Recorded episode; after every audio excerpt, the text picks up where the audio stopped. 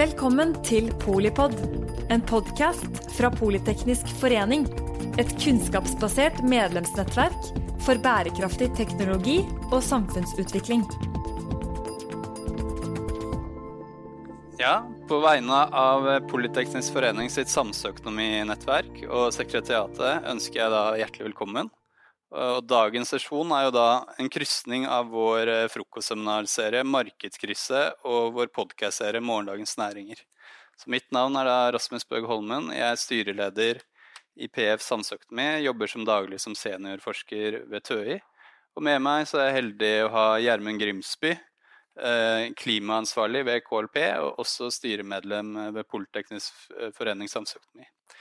Eh, så basert på innsikter fra vår podkastserie Morgendagens næringer eh, og vår egen næringsøkonomiske kompetanse, så skal jeg og Gjermund nå presentere morgendagens eh, næringspolitiske rettesnorer. Vår første rettesnor for morgendagens næringsliv er dårlig utredes økonomiske løsninger i dag bidrar til morgendagens ressursløsning. Eh, Norge har sterke tradisjoner for å forankre næringspolitikken i eh, samfunnsøkonomiske prinsipper. Eh, I etterkrigstiden så sto Ragnar Frisch og hans følgere sterkt. Vi hadde jerntrianglene bestående av Økonomisk institutt ved Universitetet i Oslo, Statistisk sentralbyrå og Finansdepartementet som toneangivende, etter hvert også Norges Bank. Og vi har hatt statsministre som Willoch eh, og Jens Stoltenberg, som, eh, som jo er samfunnsøkonomer. Eh, og i dag så er det en rekke sterke norske fagmiljøer innenfor samfunnsøkonomi. I senere år så har det likevel vært eksempler på flere reguleringer med tvilsom innretning med tanke på samfunnsøkonomisk effektivitet. Og det er jo synd når det ikke mangler på gode intensjoner. F.eks. så har vi flypassasjeravgiften, som avhenger av antall passasjerer og ikke lengden på reisen. Eh, grunnrenten på beskatningen av havbruk er velbegrunnet, men man har en uheldig forskjellsbehandling mellom eh, små og store.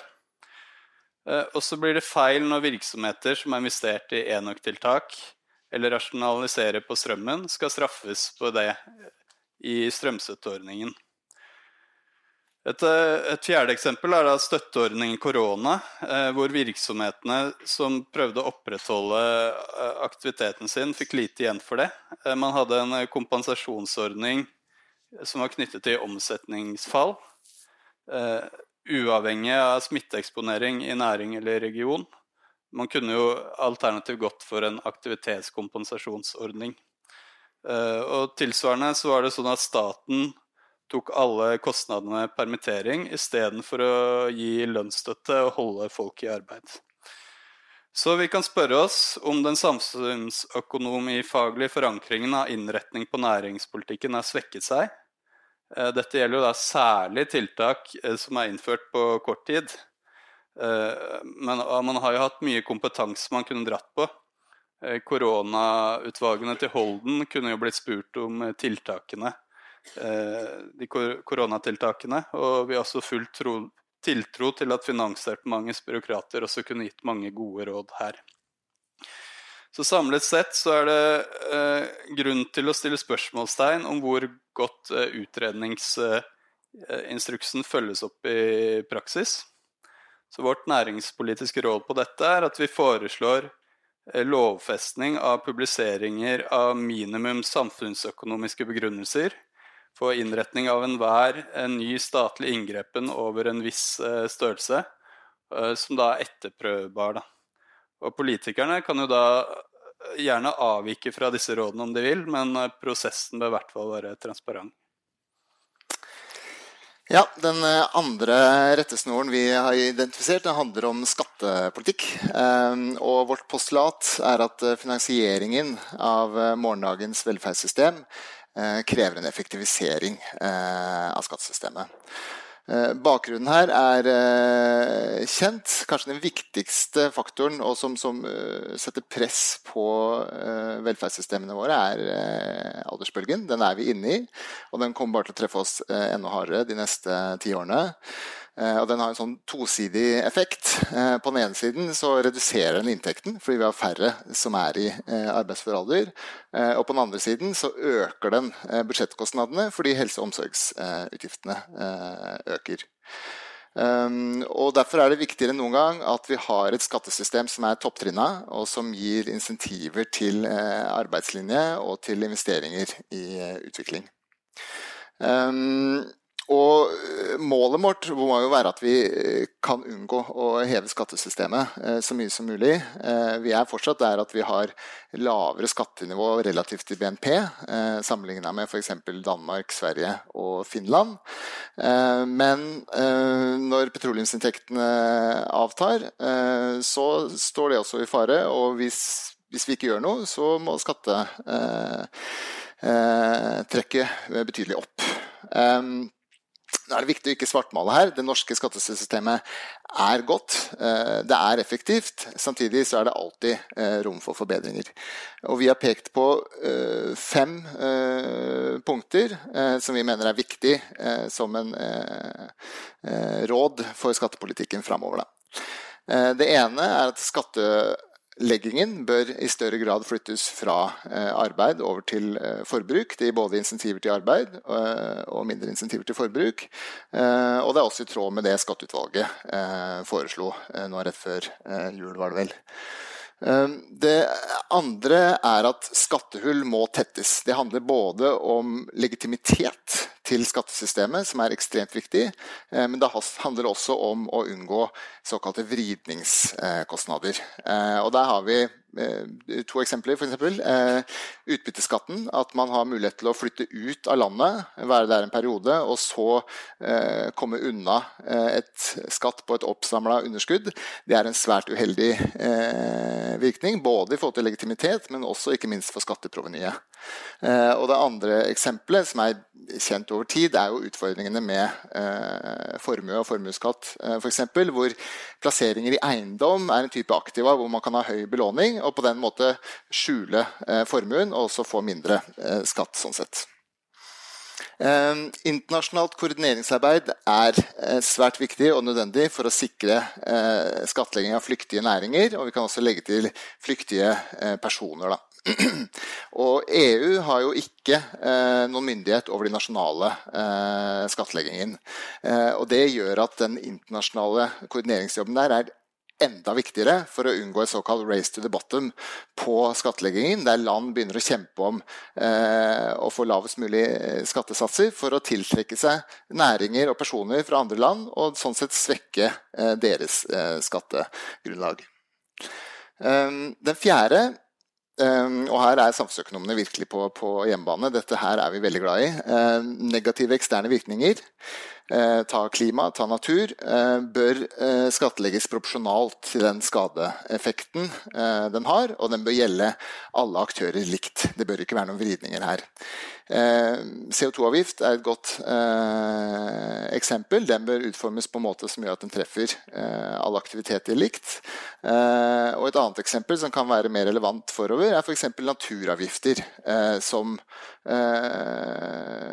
på aktiviteter som påvirker biomangfold eh, og natur. Eh, til slutt eh, Vi er av den oppfatning at grunnrentebeskatning av naturressurser er fornuftig og viktig, som også er i tråd med det skatteutvalget sa. Men vi vil vektlegge at forutsigbarheten og Eh, tetting av smutthull bør eh, kunne håndteres bedre. Eh, Rasmus var inne på forskjellsbehandling innen oppdrettsnæringen. Det mener vi er et type smutthull, at det er forskjeller mellom store og små bedrifter. Et annet eksempel som er mer sånn framoverseende, er f.eks. det vi står overfor på havvind nå. Nå legger man premissene for skattleggingen av det. Vi mener at det er bedre å være åpen på hvis man har tenkt til å innføre grunnrenteskatt hvis inntjeningen blir høy, så er det mer ryddig og mer forutsigbart hvis man gjør det med en gang, enn å vente eh, til eh, profitten eventuelt eh, er der. Og det handler om hvordan skatteutformingen, eh, skattesystemet, fungerer i Norge i dag. Ja. ja.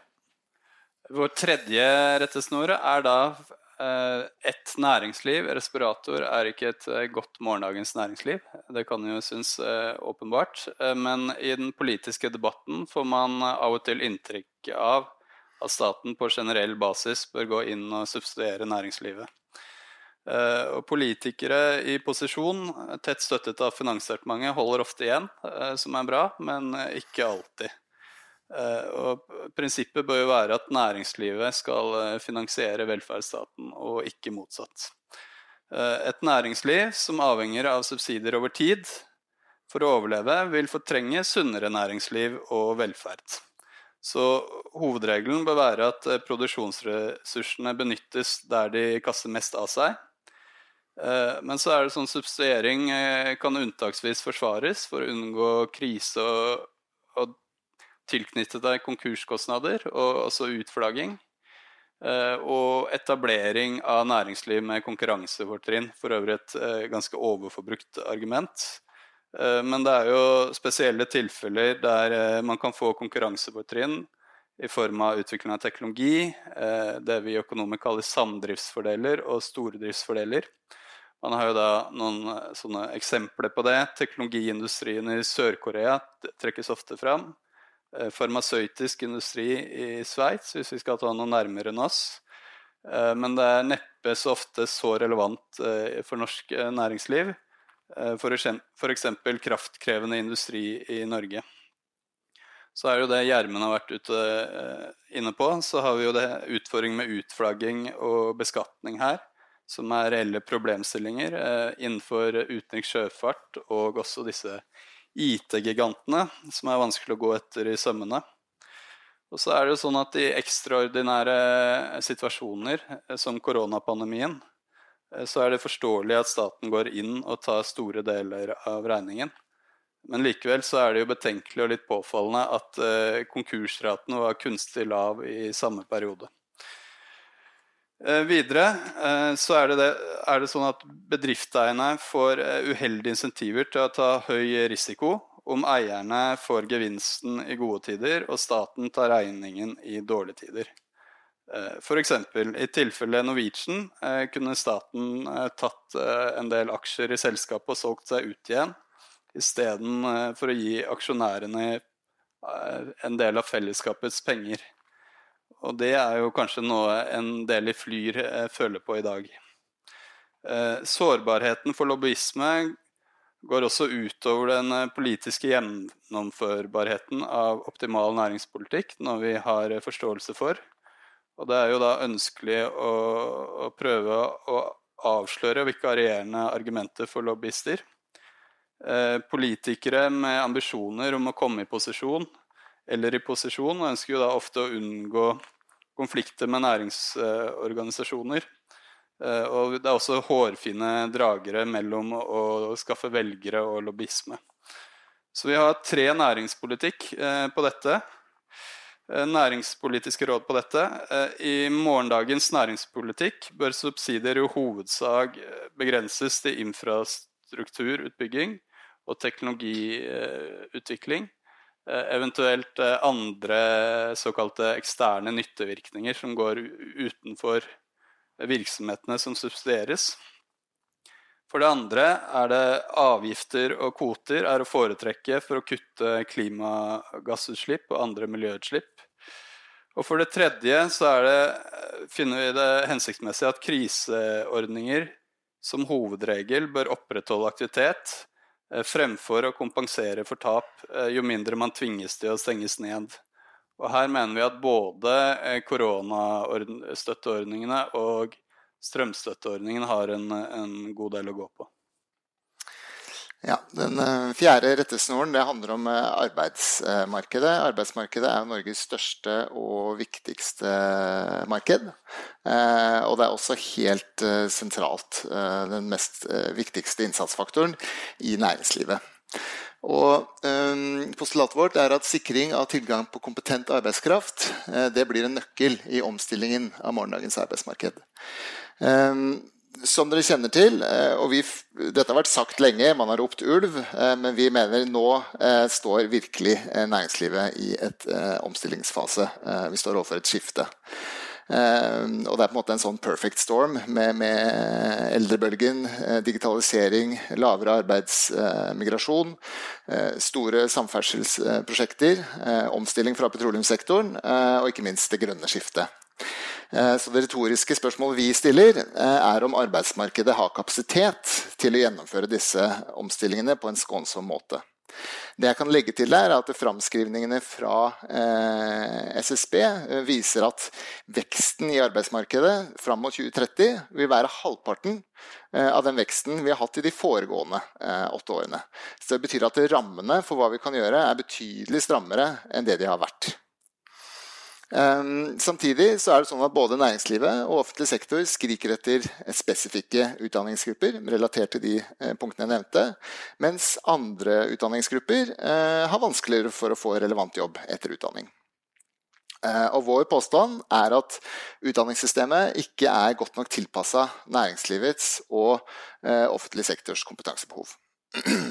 Så eh, våre næringspolitiske råd er at uh, myndighetene og, offentlig sektor, som er en stor del av norsk økonomi, virkelig må prioritere hardt framover og ta hensyn til kapasiteten uh, som er i arbeidsmarkedet når man skal gjennomføre egen politikk. Det handler om utformingen av offentlige budsjetter, som typisk gir impulser til arbeidskraft. Det handler om store, inkludert store infrastrukturinvesteringer. Og det handler om konsesjoner, ikke minst om konsesjoner til olje- og gassutvinning eh, og konsesjoner til eh, havvind. Ehm, og, spørsmålet er greier vi å gjennomføre, eh, håndtere aldersbølgen med verdighet og det grønne skiftet med stil, samtidig mens vi holder gassen inne på olje- og gassinvesteringene og samferdselsinvesteringene. Eh, noe som vi mener i hvert fall må på plass, er at utdanningssystemet eh, i større grad bør rigges etter samfunnets eh, behov. Trepartssamarbeidet har tjent Norge veldig godt gjennom at det har gitt en koordinert lønnsdannelse og et stort konkurransefortrinn for Norge og en god fordelingstiltak. Samtidig så har det noen bieffekter, og det er at arbeidsmarkedet gir ikke de samme måte, markedssignalene til de som skal velge utdanningsretning, til de som skal inn i arbeidslivet. Som betyr at det offentlige har en enda større jobbe, eh, rolle å spille med å, å, tilpasse skaleringen av ulike utdanningsretninger til det private og det offentliges eh, behov for eh, arbeidskraft. Der mener vi at det er eh, store grep å ta. og vi Fastlegekrisen har vi vært i en, en, en stund, eh, og vi ser flere av de komme framover. Eh, når vi går over til vår femte rettesnor, så beveger vi oss over i mikroøkonomien. Eh, morgendagens næringspolitikk bør sikre konstruktiv samspill mellom bransjer og næringer. Og her er det jo slik at eh, når det gjelder konkurransereguleringer, så er markedsmessige utfordringer gjerne relativt transparente og enkle å regulere, f.eks. knyttet til konkurranse eller miljøutslipp. Mens eh, konkurransemessige utfordringer i verdikjedene derimot er mer eh, oversiktlige, og de optimale reguleringene som er tilknyttet dette, eh, ofte er mer eh, situasjonsbetingede. Eh, så utnyttelse av forhandlingsmakt eh, vertikalt i verdikjeden kan da potensielt hemme verdiskapning i en rekke norske næringer. Eh, særlig ved tilstedeværelsen av vertikalt integrerte kjeder. Det er viktig å understreke at det trenger ikke gjøre det, men det kan gjøre det. Eh, og det må man følge med på. Eh, så vertikal integrasjon er fremtredende i flere norske bransjer, f.eks. bokbransjen, bransjen for mobiltelefoni. En fare der er jo da at de vertikal integrerte kjedene diskriminerer uavhengige aktører i forhold til sin integrerte motpart i verdikjeden. En annen fare er at de presser lønnsomheten ut i verdikjedeleddet der det er høyest, høyest eierandel. Og vi kan også få såkalte hold up-problemer. At, at, man ikke får eh, transaksjoner som burde vært gjennomført, ikke blir gjennomført. Og volumet som eh, omsettes kan bli mindre enn det det burde vært. Og man har jo også da ujevne forhandlingsposisjoner eh, som en proble sentral problemstilling i flere andre bransjer også, f.eks. i dagligvarehandel uh, og farmasi. Eh, også en annen type utfordring her. Eh, videre kan koordineringsutfordringer hemme verdiskapen i næringer der bransjer tilbyr komplementære produkter til de samme kundene. Reiseliv er et godt eksempel i så måte. Her har man jo bransjer som overnatting, servering, opplevelser, Eh, turisthandel mv. Eh, som tilbør komplementære produkter til de samme tilreisende. Og De vil jo da ha en felles eh, interesse av tiltalende formidling og gode transportårer inn til den regionen de opererer. Eh, og I noen tilfeller så klarer de å koordinere seg gjennom samarbeid eller formell integrasjon, men eh, det er ikke alltid felles eh, gode problematikken blir løst av seg selv. Et annet eksempel med sånn koordineringsutfordringer er jo da eh, kollektivtransporten. En næring som domineres av offentlig finansiering. Eh, her er det med sømløse overganger mellom leverandører et, eh, et nøkkeltema. Både når det gjelder rutekoordinering, altså spesielt når det gjelder rutekoordinering, men prising kan også være en utfordring. Så i morgendagens konkurransereguleringer tror vi at håndteringen av disse vertikale utfordringene i verdikjeden vil stå sentralt. Og det er jo øh, komplisert og ofte situasjonsbetinget øh, hvilken øh, tilnærming man bør ha. Men etterprøvbarheten av informasjon om utnyttelse av forhandlingsmakt og, og avsløre kontraktdiskriminering er jo da et gjent gjentagende temaer eh, som man bør gripe fatt i. Eh, så vårt eh, første næringspolitiske råd på dette er at det bestilles krav til innrapportering av kjøps- og salgsvilkår til konkurransemyndighetene når det er enten svært et virksomhet er svært dominerende i et ledd i verdikjeden, eller at man har vertikal integrerte kjeder som har høye eierandeler i to eller flere ledd.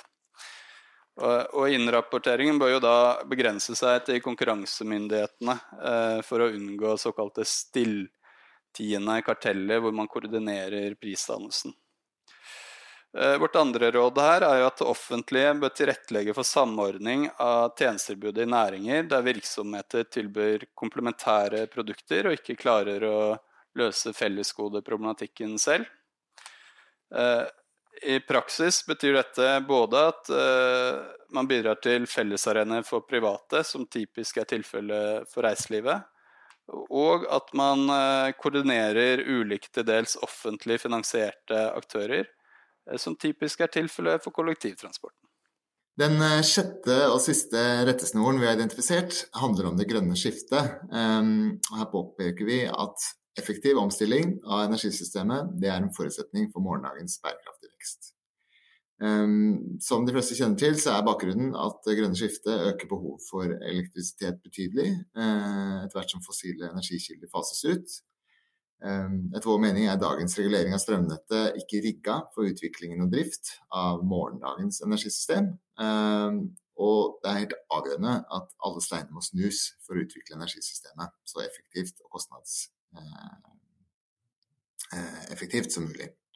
Eh, og vårt, her har vi identifisert en rekke næringspolitiske råd. Mye av det er også i, i tråd med det som Energikommisjonen har nylig kommet med. Men det er også noen nyanser. For det første så peker vi at myndighetene bør prioritere rask utbygging av kraftnettet og fornybar produksjon. F.eks. gjennom forutsigbare rammebetingelser for grønne investeringer. Um, grønne investeringer og rammebetingelser for det handler både for de som uh, skal investere, uh, men ikke minst også for uh, eksempelvis kommunene som skal tilrettelegge arealer for vindkraft. når det er klare lokale ulemper, så må de kompenseres. Det vil også være mer behov for koordinering og nasjonal koordinering av energimarkedet for å sørge for at utviklingen går både raskt nok og at man prioriterer riktig underveis. Eh, et eh, viktig punkt her er at det er lange ledetider på utvikling av strømnettet. Eh, og for at man ikke skal få kapasitetsutfordringer på sikt, så er det helt avgjørende at utbygging av strømnettet gjøres med en annen modell og i forkant av det umiddelbare behovet. Her er vi helt på linje med Energikommisjonen. Og en mulighet er at, naturlig mulighet er at Statnett tar en mer proaktiv rolle her. Den andre anbefalingen handler om å sikre en effektiv omstilling. Så må flaskehalsene i strømnettet prises riktig. Selv om man setter i gang å utvikle strømnettet, så vil det på, på kort sikt og fram mot 2030 være klare flaskehalser i, i nettet, og man rekker ikke bygge ut for å dekke det behovet. Eh, I tillegg er det også at utbygging av strømnettet kan være svært eh, dyrt, og at det kan være andre måter å organisere eh, energisystemet på som er mer kostnadseffektivt. Det holder ikke at det finnes noen som produserer strøm, og at det er noen som etterspør strøm. Det må også være noen som overfører den strømmen. Det betyr at bruken av strømnettet må prises høyt i perioder hvor det er lav kapasitet, mens den kan være lav i perioder med stor kapasitet. Og når det gjelder flaskehalsene, så er det også et poeng at den ikke bare må betales av de som skal etablere seg i nettet nå og framover. Alle som bruker nettet må bidra til å betale for flaskehalsen, ikke bare nye strømkunder. Um, og hvis de nye aktørene må ta hele den kostnaden, så vil det synke. grønn omstilling. Den tredje anbefalingen er at energieffektiviseringstiltak må lønne seg. Ehm, strømstøtteordninger bør beholde insentivet til energieffektivisering eh, som ligger i markedsprisen. Vi ser helt klart behovet eh, for støtteordninger eh, når man får så plutselige endringer i strømpris som vi har sett nå de siste årene. Samtidig så er det en reell energiknapphet, og det er avgjørende at vi også får til energieffektiviseringen. Selv om det kanskje er provoserende på mange, så er høye markedspriser det beste enøkinsentivet som finnes. En måte å organisere strømstøtten på som eh, også ville beholdt insentivet, er at man eh, i større grad gir fastsatte beløp som er uavhengig av det faktiske strømforbruket. Eh, en siste anbefaling, ehm, og det handler om prioriteringer, er at vi mener at elektrifisering av sokkelen ikke bør prioriteres på kort sikt. her er vi tydeligere enn det eksempelvis Energikommisjonen er. Som holder det åpent, men som et mulig alternativ eh, for å få til dilemmaet mellom klimapolitikk eh, og ny eh, grønn industri og det å ha kraftoverskudd. Vi mener at før vi rekker å bygge ut mer fornybar kraft, så må myndighetene prioritere hardt hva kraften skal brukes til. Og vi mener her at elektrifisering av sokkelen er et naturlig tiltak som kan nedprioriteres, så lenge det er kapasitetsbegrensninger på tilbudssida Eh, ikke minst fordi eh, den reelle eh, klimaeffekten av elektrifisering i sokkelen er tvilsom. Og det var de seks rettesnorene fra Politeknisk forening for morgendagens næringspolitikk. Jeg vil takke for både Rasmus og meg for at du hørte på, og ikke minst fra Politeknisk forening. Eh, hvis, var, eh, hvis, du ble nysgjerrig av dette her, så anbefaler jeg at du hører på hele podkastserien eh, med morgendagens eh, næringer. Eh, god lytting. Takk for at du lyttet til Polipod fra Politeknisk forening. Få med deg flere episoder, eller bli med på nettverksmøtene som du finner på at polyteknisk.